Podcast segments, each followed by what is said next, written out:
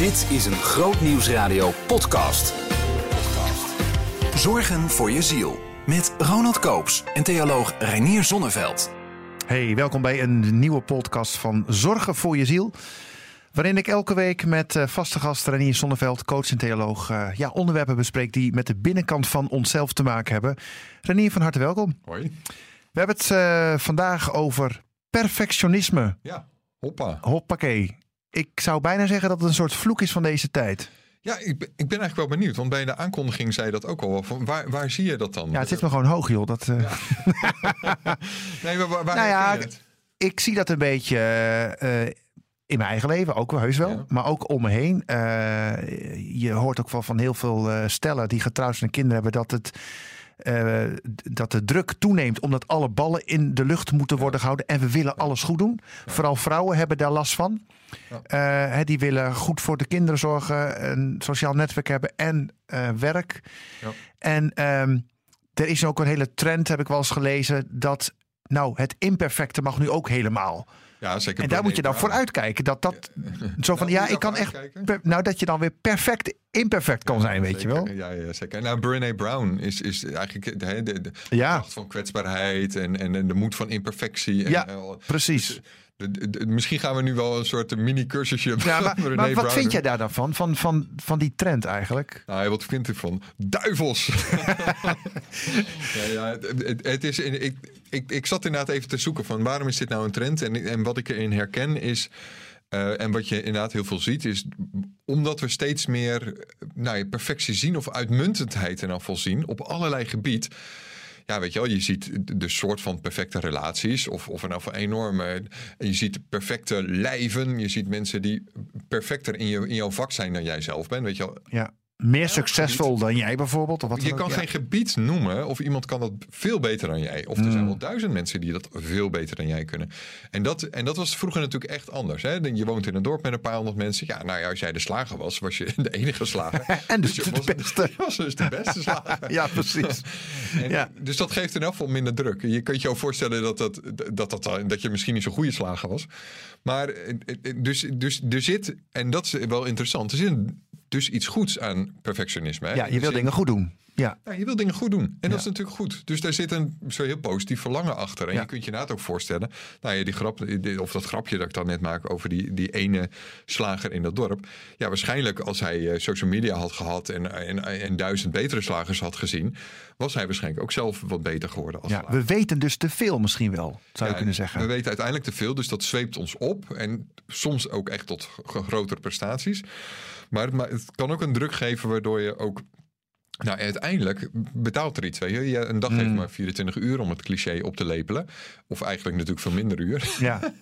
En ehm, eh, ja, je bedoelt waarin je wat, wat actiefs kunt doen, zeg maar. ja, Ja, dus je kunt wel ergens een 10 in proberen te halen. Voor mij part in je relatie of in je werk. Maar ergens gaat er betaald worden. En dat kan zelfzorg zijn. Dat is heel vaak waar er betaald wordt. Op het moment dat je goed in je werk wil worden. Ja, stel dat je 12 uur per dag aan je werk. Ja, dan gaat er ergens wordt er betaald. Ja, Dat kan je dus als je zegt op het ene trein scoor je een 10 of, een, of misschien wel een 8, is ook al Ja. prima. Maar dan op het andere trein wordt het een 4 of een 5. Omdat, ja, dat is al heel snel zo. Dus ja.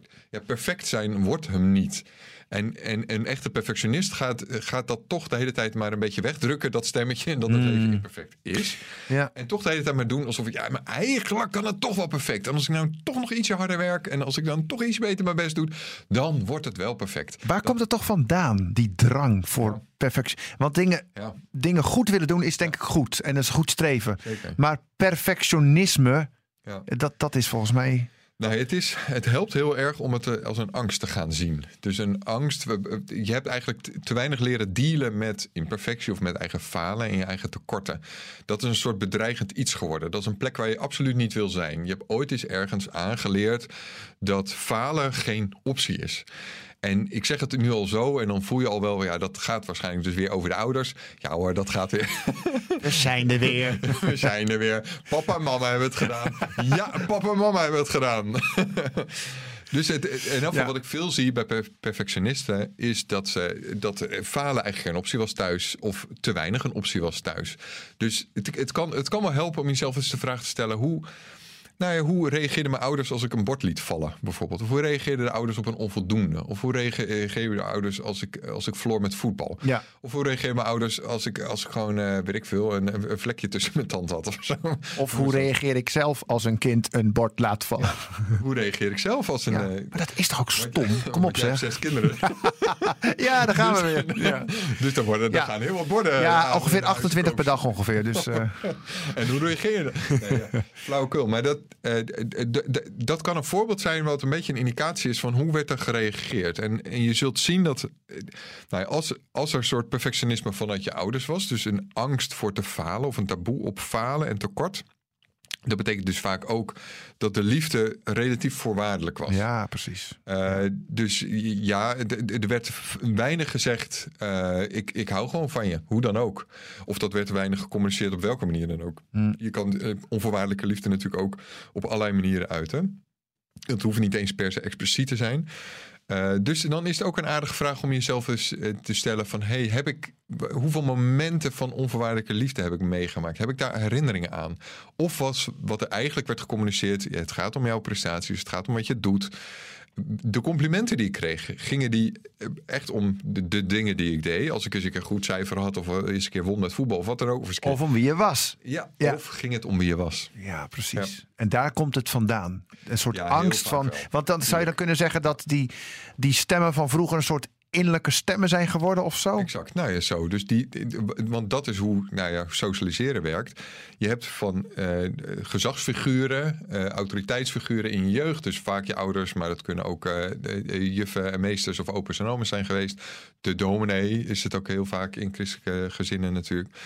Die heeft iets gecommuniceerd over wanneer en hoe jij waardevol bent. Nou ja, als dat heel erg verbonden is aan prestaties, als er een soort taboe lag, of als, als, als falen echt een ding was, eh, wat groot gemaakt werd, wat, eh, waar het niet over mocht gaan eventueel. Ja. Ja. dan, eh, ja, dat, dat zijn de stemmen in je hoofd geworden. je dat hebt- zijn, je hebt het over- je, je- je eigen oordeel geworden. Ja. Het oordeel van anderen heb je gewoon ja, geïnternaliseerd, heet dat dan. En, dat- en dat, Ja, dat, ja, is, dat is in je eigen hoofd gaan spelen. Maar het is nog wel aardig. Dat, en over een vorm van perfectionisme die ik ook ben tegengekomen, is eigenlijk eh, is bijna het omgekeerde. Dat zijn juist ouders die heel weinig betrokken zijn op de prestaties van hun ouders. Maar ook niet zozeer of, eh, van hun Van de kinderen. kinderen, ja. Maar ook niet zozeer heel erg van die kinderen hielden, maar eigenlijk eh, ja, een beetje die kinderen hebben verwaarloosd. Emotioneel dan, een soort Emotioneel. van. Ja, ja, ja. En wat je daar dan ziet gebeuren, is dat die kinderen hebben toch een innerlijke drang, weet je, die hebben levenslust, die willen toch iets van hun leven maken. Dus die hebben zichzelf moeten opzwepen. Dus die zijn eigenlijk verwaarloosd, maar die, hebben eh, eigenlijk, die, die zijn hun eigen ouder geweest. Dus die hebben de Oh. hele tijd met tegen zichzelf moeten zeggen van ja, maar je moet wel echt nu eens een keer een 8 of een 10 halen. Want eh, ja, papa en mama, eh, die, die helpen me niet. Dus ik moet mezelf helpen. Dus dan heb je jezelf de hele tijd de zweep over jezelf gehouden. Waar het niet zozeer je ouders, maar jezelf. ja. Dus dat is ook wel eentje, een variant die ik zie. En, en hoe zit dat met godsbeeld? Je had het net ook over voorgangers, Ja. dominees die een rol kunnen spelen. Eh, Ook met godsbeelden kan daar Zeker. een link zijn. Hè? Dus Van God is zo perfect. En, en Nou ja, zeker. Dus we, we zitten ook allemaal in een soort geloofsgemeenschap. Dat hoeft niet per se een religieuze gemeenschap te zijn. Maar we zitten allemaal in een in, in groepen, bewegen ons in groepen mensen waar de idealen zijn. En als jij eh, in je jeugd lid was van een kerk, dan gaat, is het dus ook over God gegaan. En je ziet gewoon heel vaak dat op het moment dat ouders streng en wat, onvoorwaarde, of wat voorwaardelijk eh, liefhebben eh, zijn, of wat kritische ouders hebt, dan is die God toevallig, zeg ik maar even tussen aanhalingstekens. de God die ze toevallig communiceren, was ook dat heel nou? toevallig ook Ja. een strenge rechter. ja, ja, ja. ja. En de teksten waar het over ging, dat, en- Die werden daarna gehaald. we- en, en de verhalen waar het over ging, daar werd ook altijd net het kritische toontje uit Ja. wist te halen. En de dominee is, was natuurlijk ook zo'n figuur. Dan gaat het wel ver, verdraaid veel over het laatste oordeel. En over Ja. God die toch een, vooral een strenge rechter is. En Maar ja, goed. maar niet al te soft zijn. Aan de al andere kant wil God dan geen perfectie. Wees volmaakt, want ik ben volmaakt, staat bijvoorbeeld in de Bijbel. Hoe zit dat dan? Maar dat is echt een fascinerende tekst. Want inderdaad, een, een, een echte perfectionist die flipt natuurlijk van zo'n tekst. Ja. Want die denkt van, wow, Dat kan niet. ik moet volmaakt zijn. Zeg je, Matthäus 5 staat het in. Ik moet volmaakt zijn, want God is volmaakt. Ik moet net zo volmaakt zijn als God. Ja, dat, nou, dat kan toch helemaal niet? En, en, en, en wat is dit nou voor, eh, voor evangelie? Dit is toch geen goed nieuws voor mij? En in eerste instantie vind je het natuurlijk, eh, herken je het. Maar als je op een gegeven moment tegen de lamp bent gelopen... dan is het juist iets wat, wat, je, wat het nog erger maakt. En het, en, maar wat ik merk is dat, eh, dat doen we eigenlijk allemaal. Hè. We shoppen eigenlijk allemaal een beetje in de Bijbel. En, eh, en perfectionisten doen dat op hun eigen manier. Ja, met shoppen bedoel je dat je bepaalde teksten er even uitlicht voor Ja. jezelf. Ja, ja, ja, Eh, die oké. worden belangrijk en die slaan opeens wel helemaal op jou. Of die, die lees je eigenlijk een beetje al te letterlijk. Of die lees je uit zijn verband. En andere teksten, die, die, eh, die weet je eigenlijk dan wel heel goed. of heel, of die, of Ja. die slaan dan opeens niet op jou. Ja. Of die slaan vooral op de ander. Ja. En perfectionisten die zitten natuurlijk de opzwepende teksten. Die vinden ze interessant. De oordelende teksten. Die, die, op, die komen aan. Die zijn, slaan opeens op hun. Ja. En natuurlijk op de anderen, want een echte perfectionist die kan, weet het ook donders goed hoe het, hoe het met anderen moet. Terwijl de meer genadige en liefdevolle teksten, die, die, eh, die vergeet je. En het aardige is dat Matthäus 5, eh, hè, er staat wees volmaakt zoals uw hemelse vader volmaakt is. Eh, als je die in de context leest en wel gewoon even precies leest, dan is, wordt het juist een heel genadige tekst. Wat, Oh, dat is interessant. ja, wat gebeurt er nou namelijk? Het gaat, erover, het gaat over mensen die wel van hun naasten houden, maar, hun, eh, maar zeggen nee, maar je vijanden moet je haten. En dat kun je heel erg, eh, ook heel perfectionistisch doen. Hè? Heel, erg, heel erg veel energie besteden aan het haten van je vijanden. En dan geeft, God, geeft Jezus het voorbeeld van... je hemelse vader doet dat anders. Want je hemelse vader laat het regenen... eh, Over de goede en de, en, en de zon schijnen over Ja. de goede. Dus die houdt blijkbaar ook van zijn vijanden. Zo gaat God met zijn vijanden om. Dus die is blijkbaar behoorlijk. Die geeft heel veel ruimte aan zijn vijanden. Die zit ze niet de hele tijd achter de broek.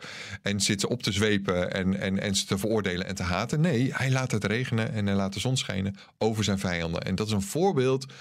Dus hou van je vijanden. En wat is nou de grootste vijand van de perfectionist? dat is eigenlijk zijn innerlijke kritiekaster, zou ik maar zeggen. Ja, ja, ja. En dus de uitnodiging van deze tekst is: wees nou eens een keer als God voor, voor, je, voor jouw eigen vijand. Wees nou eens dus een keer als God voor, zoals God zich opstelt tegen zijn vijanden. Stel je nou eens een keertje op zo, ten opzichte van je eigen vijanden, namelijk je eigen innerlijke die Wees je- mild ook voor jezelf. Exact. daarin. Wees, laat nou eens een keer de zon schijnen en re- laat het nou eens een keer regenen over die eigen innerlijke zweep. En accepteer die innerlijke zweep nou eens. Dat is, dat is een onderdeel van jezelf. Wees eens een keer mild voor je eigen innerlijke eh, stem. Wees eens een keer geduldig met je eigen eh, ongeduld. En, en probeer dat nou eens te begrijpen, bijvoorbeeld. En, en daar, begin, daar kan een. Want wat. wat Dus daar niet meer tegen vechten elke keer maar weer. Maar gewoon het ja, omarmen klinkt wel heel erg. Nou, Nou ja, maar misschien accepteren of. Nou ja, eh, eh, eh, precies. Want in elk geval is het wat een echte perfectionist namelijk dus gaat doen, is heel perfect zijn eigen perfectionisme weer aanpassen. Aanpakken, Ja, wel? natuurlijk, ja. Dat, dat, dat moet natuurlijk, dat wordt natuurlijk ook wel een groot Ja, project. ja ik ben er niet goed in, maar ik pak het perfect aan hoor. Pak het perfect Ja. aan en ik ga er hard mee bezig. En je gaat heel erg oordelen over je eigen oordelen. Dus dan heb je weer die innerlijke stem en dan ga je enorm tegen vechten. Oh, ja, ja. Dus, en dan die cirkel, dat is, de echte perfectionist is heel ongeduldig met zijn eigen ongeduld. En, en, en, en die ziet dat dan weer als iets, nou misschien wel iets van- als van de duivel. En dan moet je geestelijke strijd mee voeren. Ja jongens, dat is, dat is precies wat je al lang kende, dat trucje. Te- ergens tegen vechten en dat dan perfect proberen op te lossen. Moet je dus juist niet doen. natuurlijk niet werkt. Hè? Nee. Dus pak het eens een keer anders aan. Pak het eens een keer zoals God met zijn vijanden omgaat aan. Je hebt nu blijkbaar een vijand. Je hebt blijkbaar een innerlijke stem die je ooit eens hebt aangeleerd. Waarschijnlijk van je ouders of van een dominee of wat dan ook. Ja, dat heb je geïn- geïnternaliseerd. Dat is je eigen stem geworden. Exact. Luister, ga- wees er nou eens gewoon geduldig mee. Laat het nou eens een keertje. Het is prima, weet je wel. God, God zit zijn vijanden ook niet achter de broek voortdurend. Die laat het regenen en de zon schijnen over die innerlijke stem. En dat kan een heel mooie eerste stap zijn om met je eigen perfectionisme om te gaan. En hoe kun je met die angst omgaan? Want er zit altijd, denk ik, een soort van angst onder als Zeker. fundament. Nou ja, uiteindelijk zou ik zeggen, is, is, eh, is perfectionisten is, is een vorm van angst. Het is een, een, een faalfobie, zou ik maar zeggen. Je hebt ooit eens aangeleerd dat falen is het ergste wat je kan overkomen. Nou, hoe ga je met fobieën om? Eh, als je een spinnenfobie hebt, ja, dan, dan ja, dat, de geleide confrontatie kunnen we dat wel noemen. Hè? Dus wat je, wat je- dan gaat doen, is eerst een plaatje van een spin, van een hele kleine spin. En dan van een hele grote spin. En dan ga je eens een keer een klein spinnetje in de, in de kamer toelaten, enzovoort, enzovoort. Nou, dat, zo kun je ook met je eigen falen omgaan. Eh, Laat het nou eens een keer gebeuren. Eh, stel nou eens een keer het doel op een 9 of eens een keer op een 8. En, en ervaar nou eens dat de wereld niet vergaat dan.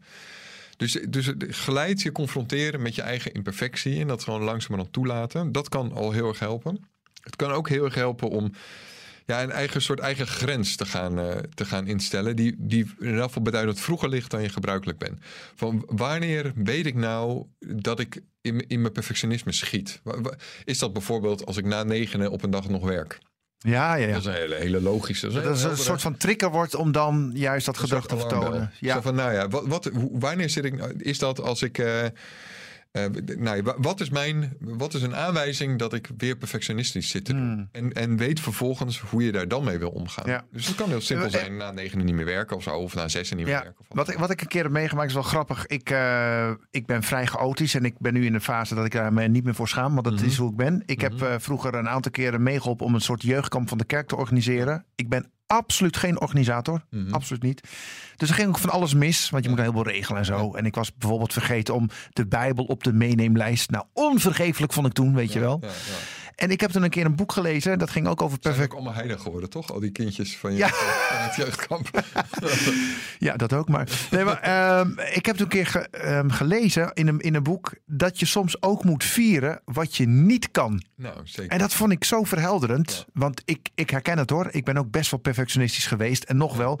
Maar door ook heel bewust te vieren wat ik niet kan, kon ik er ook beter mee omgaan. En dat vind ik zo lekker. Dat ik nu, nu ik wat ouder ben, weet je ook van nou, dit, dit vind ik leuk om te doen. Dit kan ik. Maar nee, dit kan ik echt niet goed. Ik zou ook nooit een manager willen worden of een directeur. Dat kan ik gewoon niet. het is verder het meeste. Hè? Dus er zijn een miljoen dingen die je niet kunt. En er Ja. zijn een stuk of drie of zo. Die Maar als je daar vrede mee hebt, dan kun je volgens mij ook op anticiperen. Als je dan gevraagd wordt van, hey, wil je mee op een kamp te organiseren? Zeg je nou nee, ik vind het leuker om eh, op het afwasrooster te komen staan. Ja, zeker. Dus dat is een heel praktische manier om, om ermee om te gaan. En inderdaad, om jezelf niet voortdurend allemaal maar lasten op te leggen.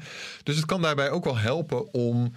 Nou ja, het, eh, nou ja, wat je inderdaad het vieren van de imperfectie noemt. Of het. eh, eh, of het, nou ja, in geval kunnen benoemen wat er wat eigenlijk problematisch aan perfectie is. Ja, ja, ja. En zo, nou ja, zoals ik zei, gewoon, gewoon eens beschrijven van wat, wat zijn nou de nadelen van dat voortdurende Ja. ja. gejakker van me. ja. En daar kun je dus weer, daar ben je dan als echte perfectionist ga je daar dan natuurlijk weer streng om zijn. Dus uiteindelijk gaat het over een houding van, nou, is een keer een beetje lachen om jezelf. Gewoon wat milder zijn voor jezelf. En jongens, Ja. Ik ben maar mens. Ben jij zelf perfectionistisch eigenlijk? Of geweest? Of... Ehm, ja, behoorlijk. En, en dat zit dan vooral en waarin uitte zich dat, zeg maar, eh, toen? in eh, alle idealen. Dus ik was enorm idealistisch. Dus ik, het staat me bij dat ik wel eens in een eerdere podcast heb verteld dat ik dan bijvoorbeeld. eh, Trappen nam? exact, ik weet hem nog. Dus dan ging ik niet de lift nemen, want dat was dan allemaal stroomverspilling. En dan ging ik oh, ja, ja, ja. verdiepingen omhoog. om- Ja. oh. Ja, ja, ja. Mensen, kinderen. Nou, dat, Ja. is, dat is natuurlijk perfectionistisch. Dus dit is, dit is echt een ding wat ik echt wel ken. Dus ik heb enorm eh, nou ja, daarmee moeten dealen en nog steeds. Dus heel erg moeten zien van oké, dit is niet voor mij. Dit is niet aan mij om, om, eh, om nu te doen. En dit is wel. eh, en daarbij is een 7 echt, echt wel heel erg goed. Een ander onderwerp wat er misschien mee te maken heeft, maar net zo interessant is, dat heeft denk ik ook met perfectionisme te maken, dat is dat vergelijken van elkaar. En zeker in een, in een beroep wat jij ook hebt als schrijver, heb jij er ook wel eens last van dat jij je misschien onwillekeurig eh, vergelijkt met andere schrijvers en dat je denkt van mm, die, verkoopt, die verkoopt veel beter en, en Ja, er zijn natuurlijk duizenden schrijvers die beter dan mij verkopen. Er zijn duizenden schrijvers die beter dan mij schrijven. Want, en dat is in, in alles zo. nou, je zegt dat vrij nuchter. Nou ja, ja Doet je dus dat het- niks dan? Wie is hier nou perfectionistisch? Nou, nee, maar ik- ik- ik hoe ga je er ermee om? globaal twee strategieën zijn om daarmee om te gaan. Dus de ene is, eh, is je daar voor een deel gewoon van af te sluiten. Dus, dus jezelf niet eh, voortdurend te kwellen met, met, met ja, door, als een malle eh, jezelf. En dat kan op allerlei manieren. Dus dat is gewoon heel concreet. Gewoon kan het zijn op het moment dat je uiterlijk belangrijk voor je is. Ja, dan moet je wat minder vrouwenbladen of mannenbladen lezen, zeg maar. Want, want ja, je, je, daar schiet je toch altijd Ja, bij het niks. ja, ja, ja. ja. En de andere strategie is globaal Oh, beseffen... daar heb ik daar zelf nooit last van met dat uit. Nee, grapje. Nee. Nee, nou ja, en de andere strategie is beseffen wat, waar- waarin jij uniek bent. Zeg maar. Dus heel, ja, er is maar één persoon die mijn weg heeft te gaan en die, en die mijn. En uiteindelijk is het ook altijd zo dat je nooit met de hele ander wil. wil eh, Oh, dat is een goeie, ja. ja. want het is altijd maar een stukje waarmee je wil ruilen bij de ander. Ja. Dus ik heb wel eens. Nou, ik, er zijn bijvoorbeeld wel, nou, om een heel typisch ding te noemen. Tom Wright is een, is een briljante theoloog. En, en, echt, en, en, en waar ik dus ook wel eh, jaloers op ben. Eh, want ik, ik, schrijf, ik schrijf ook boeken, maar ja, die- van hem verkopen echt honderd keer beter. Ja. en, en zijn ook eh, misschien wel honderd keer beter. En, ehm, en eh, op een gegeven moment besefte ik, ja, maar wacht even. Ik wil niet, ik wil alleen maar met dat. Ik wil alleen maar met zijn verkoopaantallen ruilen. Ja. ja, ja, ja, ja. En met zijn intellect misschien. Maar ik wil helemaal niet met zijn, met zijn vrouw getrouwd zijn. Nee. Of met zijn... Nee joh, ik uh, ken zijn vrouw. Nee, dat is... Nee. nee, maar Ja. het- en, het- dus ik wil eigenlijk... eh, Er zijn er wel tien gebieden in mijn leven die ik veel liever dan Ja. heb. Dus we, zitten als het ware te shoppen in eigenschappen van anderen. Ja. En dan willen we net het uiterlijk van Kanye West. bij wijze Ja, van spreken, ja, ja, ja. Noem maar wat. Maar ik vind, het wel, ik vind het echt wel een dingetje. Want je ziet, eh, je ziet ook bij veel kinderen en jongeren. Ja. eh, en dan wil ik niet het af, afschilderen als het is allemaal slecht en zo. Maar wel een beetje waar, waar je zeg maar vroeger dan, dan wil, nou wat wil je worden? Nou, de jongens wilden brandweer of politie worden of wat Ja. doen. En, en nu zeggen ze allemaal, ik wil YouTuber worden. Ik wil influencer worden. Het, heeft, het is allemaal zo op de aantallen gericht, weet je wel? Zeker. Wat, dat- dat- wat, ja dus, dus die kids moeten echt een proces aangaan van eh, ja, waarschijnlijk, zeer waarschijnlijk zal ik geen YouTuber worden. Eh, en, en, en waar ben ik dan wel eh, uniek en wat is de weg die ik heb te gaan? Dat is, Ja. En dat is een vraag voor iedereen. En bij perfectionisten speelt dat nog weer eh, een Ja, en ik Wat denk de ook dat- ik dat- heb te gaan. Ja, ik denk ook dat het een, wel een, een, een uitdaging is voor ouders om er ook goed mee om te gaan. Ja. Dat je niet claimerig bent van eh, jij moet VWO doen en, eh, en jij bent vast hoogbegaafd. Maar dat je zegt van joh, wat je ook doet, ook al word je krantenbezorger. Maar als je je lekker in je vel voelt en je doet dingen waar je je plezierig bij voelt. Dus het stimuleren het van goed. het unieke van het kind. Zeg maar. Ja. dus en, en ook en, en, En het, en het niet maakbare van het kind dus ook. Exact. Meteen. En, en daarmee dus het kunnen absorberen en het kunnen aanvaarden van, van, van het falen. Dus inderdaad, het, het, het gerommel bij- met sport of met de muziekvereniging of wat dan ook. Dat is, je, natuurlijk wil je dat, eh, dat een kind groeit. En je, kunt een kind, je gaat een kind uitdagen, uiteraard, uiteraard. Want dat is ook een kind erkennen en liefhebben. Om Ja. een kind uit te dagen. Eh, maar je bent er altijd voor het kind. Het is oké als het faalt, enzovoort. En, en dat zeg je niet alleen, maar dat, dat is ook gewoon je houding. Weet je wel? Je, het, je zit niet, eh, je, weet je wel, je zit niet eh, het- als, als het kind niet heeft gescoord bij voetbal te zeggen: Ja, ik hou toch wel van je. Weet je wel? Ja, dat, dat is gewoon je, ja, het is je Ja. houding. Weet Ja. je wel? Het is, Ja. het is, het, het, en het, het blijkt in alles dat het gewoon hoe dan ook oké is. En, en, Ja. en, en je gaat het stimuleren in waar dat eigen kind uniek in is en in kan Ja, ik heb een keer het verhaal gehoord van een meisje wat helemaal blij thuis kwam thuis. En die zei, pap, ik heb een acht gehaald. En die vader die sloeg zijn krant naar beneden en zei, een acht, hmm, dat is net geen negen. Jammer. Ja, dat is verschrikkelijk. dat is echt verschrikkelijk, ja. Ja, nee, daarmee, dat kan. En, en, en nou ja, misschien is dat een mooie conclusie. Een, een 7 is meer dan een 10. Laten we het daarbij, eh, laten we het daarbij Ja, dat is een goeie. Dat, dat moet je ja. gewoon elke dag tegen jezelf zeggen. Een 7 Ja. is meer dan een 10. Want die 10 maakt vieren. Ja, Die, die 10 kost, kost te veel. ja, ja, je kunt niet alles op alles een 10 scoren. Ja. Niet. Nee. In China gaat het helemaal extreem ver, hè? Daar willen ze zo graag dat hun kinderen goed terechtkomen. Ja. Dat ze op allerlei sporten, training, cursussen worden gegeven. Dat, dat, daar is gewoon geen tijd om te spelen. Ik, ik vind het Dus- dus afschuwelijk anders gewoon. wordt een 4. Bijvoorbeeld creativiteit of vrijheid wordt dan een 4. En, en daar wordt gewoon veel te veel betaald. Ja. Daarvoor te- Ten slotte dit. Eh, stel, je hebt een perfectionistisch iemand in je omgeving. Of je bent ermee getrouwd of wat dan ook. Wat, wat, wat kun je betekenen voor zo iemand? Niet veroordelen, denk ik. Ja, want, nee, eh, precies. Nou, het kan dus he- helpen om inderdaad, nou, bijvoorbeeld daar samen afspraken over te maken. Van wat zijn nou, wat zijn nou momenten dat, je, dat, je, dat ik aan jou kan zien dat je, dat je er weer in zit, zeg maar. Wat, wat kunnen we dan doen? Wat is samen een afspraak om, om het leuker te maken met elkaar? Eh, bijvoorbeeld, mijn, ehm, ehm, mijn vrouw is een van de eerste dingen die, die, ze, die ze heeft gezegd toen we net getrouwd waren. Van ik vind het eigenlijk niet leuk dat je na- zessen nog werkt. Want ik, eh, ja, als studentje zat ik eh, tot weet ik veel hoe laat te werken. En dat vond ik echt irritant. En uiteindelijk is dat natuurlijk alleen maar bevrijdend, zeg maar. Dus het- Ja, het, dat ja, is ja. een soort regel geworden. En natuurlijk ga je daar flexibel mee om. Maar dat, nou ja, dat, dat heeft er wel echt een omslag gegeven in, hoe- in hoe ik mijn dag ging indelen. Dus dat kan in een... En, en het gaat natuurlijk over onvoorwaardelijkheid. Dus gewoon, gewoon duidelijk bij de ander zijn. De- de- de- jij bent een veilige plek voor die ander. En jullie zijn een veilige plek voor elkaar. ja, En dat betekent dus dat het gewoon minder belangrijk is dat er gepresteerd wordt. Daar gaat het niet om uiteindelijk. ja. Volgende keer gaan we het hebben over het onderwerp luisteren. Zeker. Alvast een tipje van de sluier. Is moeilijk, hè? Luisteren. Echt luisteren. Ja, zeker. En het, een van de dingen die wij eigenlijk niet zo best doen, moet ik zeggen. Wij als mannen? Of... Nou, nu, Oh. nu ter plekke. Is even je snater houden. dat is, een- dus eh, durf, durf stiltes laten vallen en durf ehm, eh, het, het ook even stil te laten zijn. En vul niet elke stilte meteen op. Dat zou mijn eerste advies meteen zijn als we meteen in de adviesmodus gaan. Ja, ik, ik ga nu niks meer zeggen natuurlijk. Ik ook niet. Het wordt een boeiende podcast volgende keer, denk ik. Zeker. Weet tot dan. Luister ook elke vrijdag naar de rubriek Zorgen voor je ziel in de Nieuwe Morgen. Bij Grootnieuws Radio. Behoefte aan meer? Grootnieuwsradio.nl slash podcast.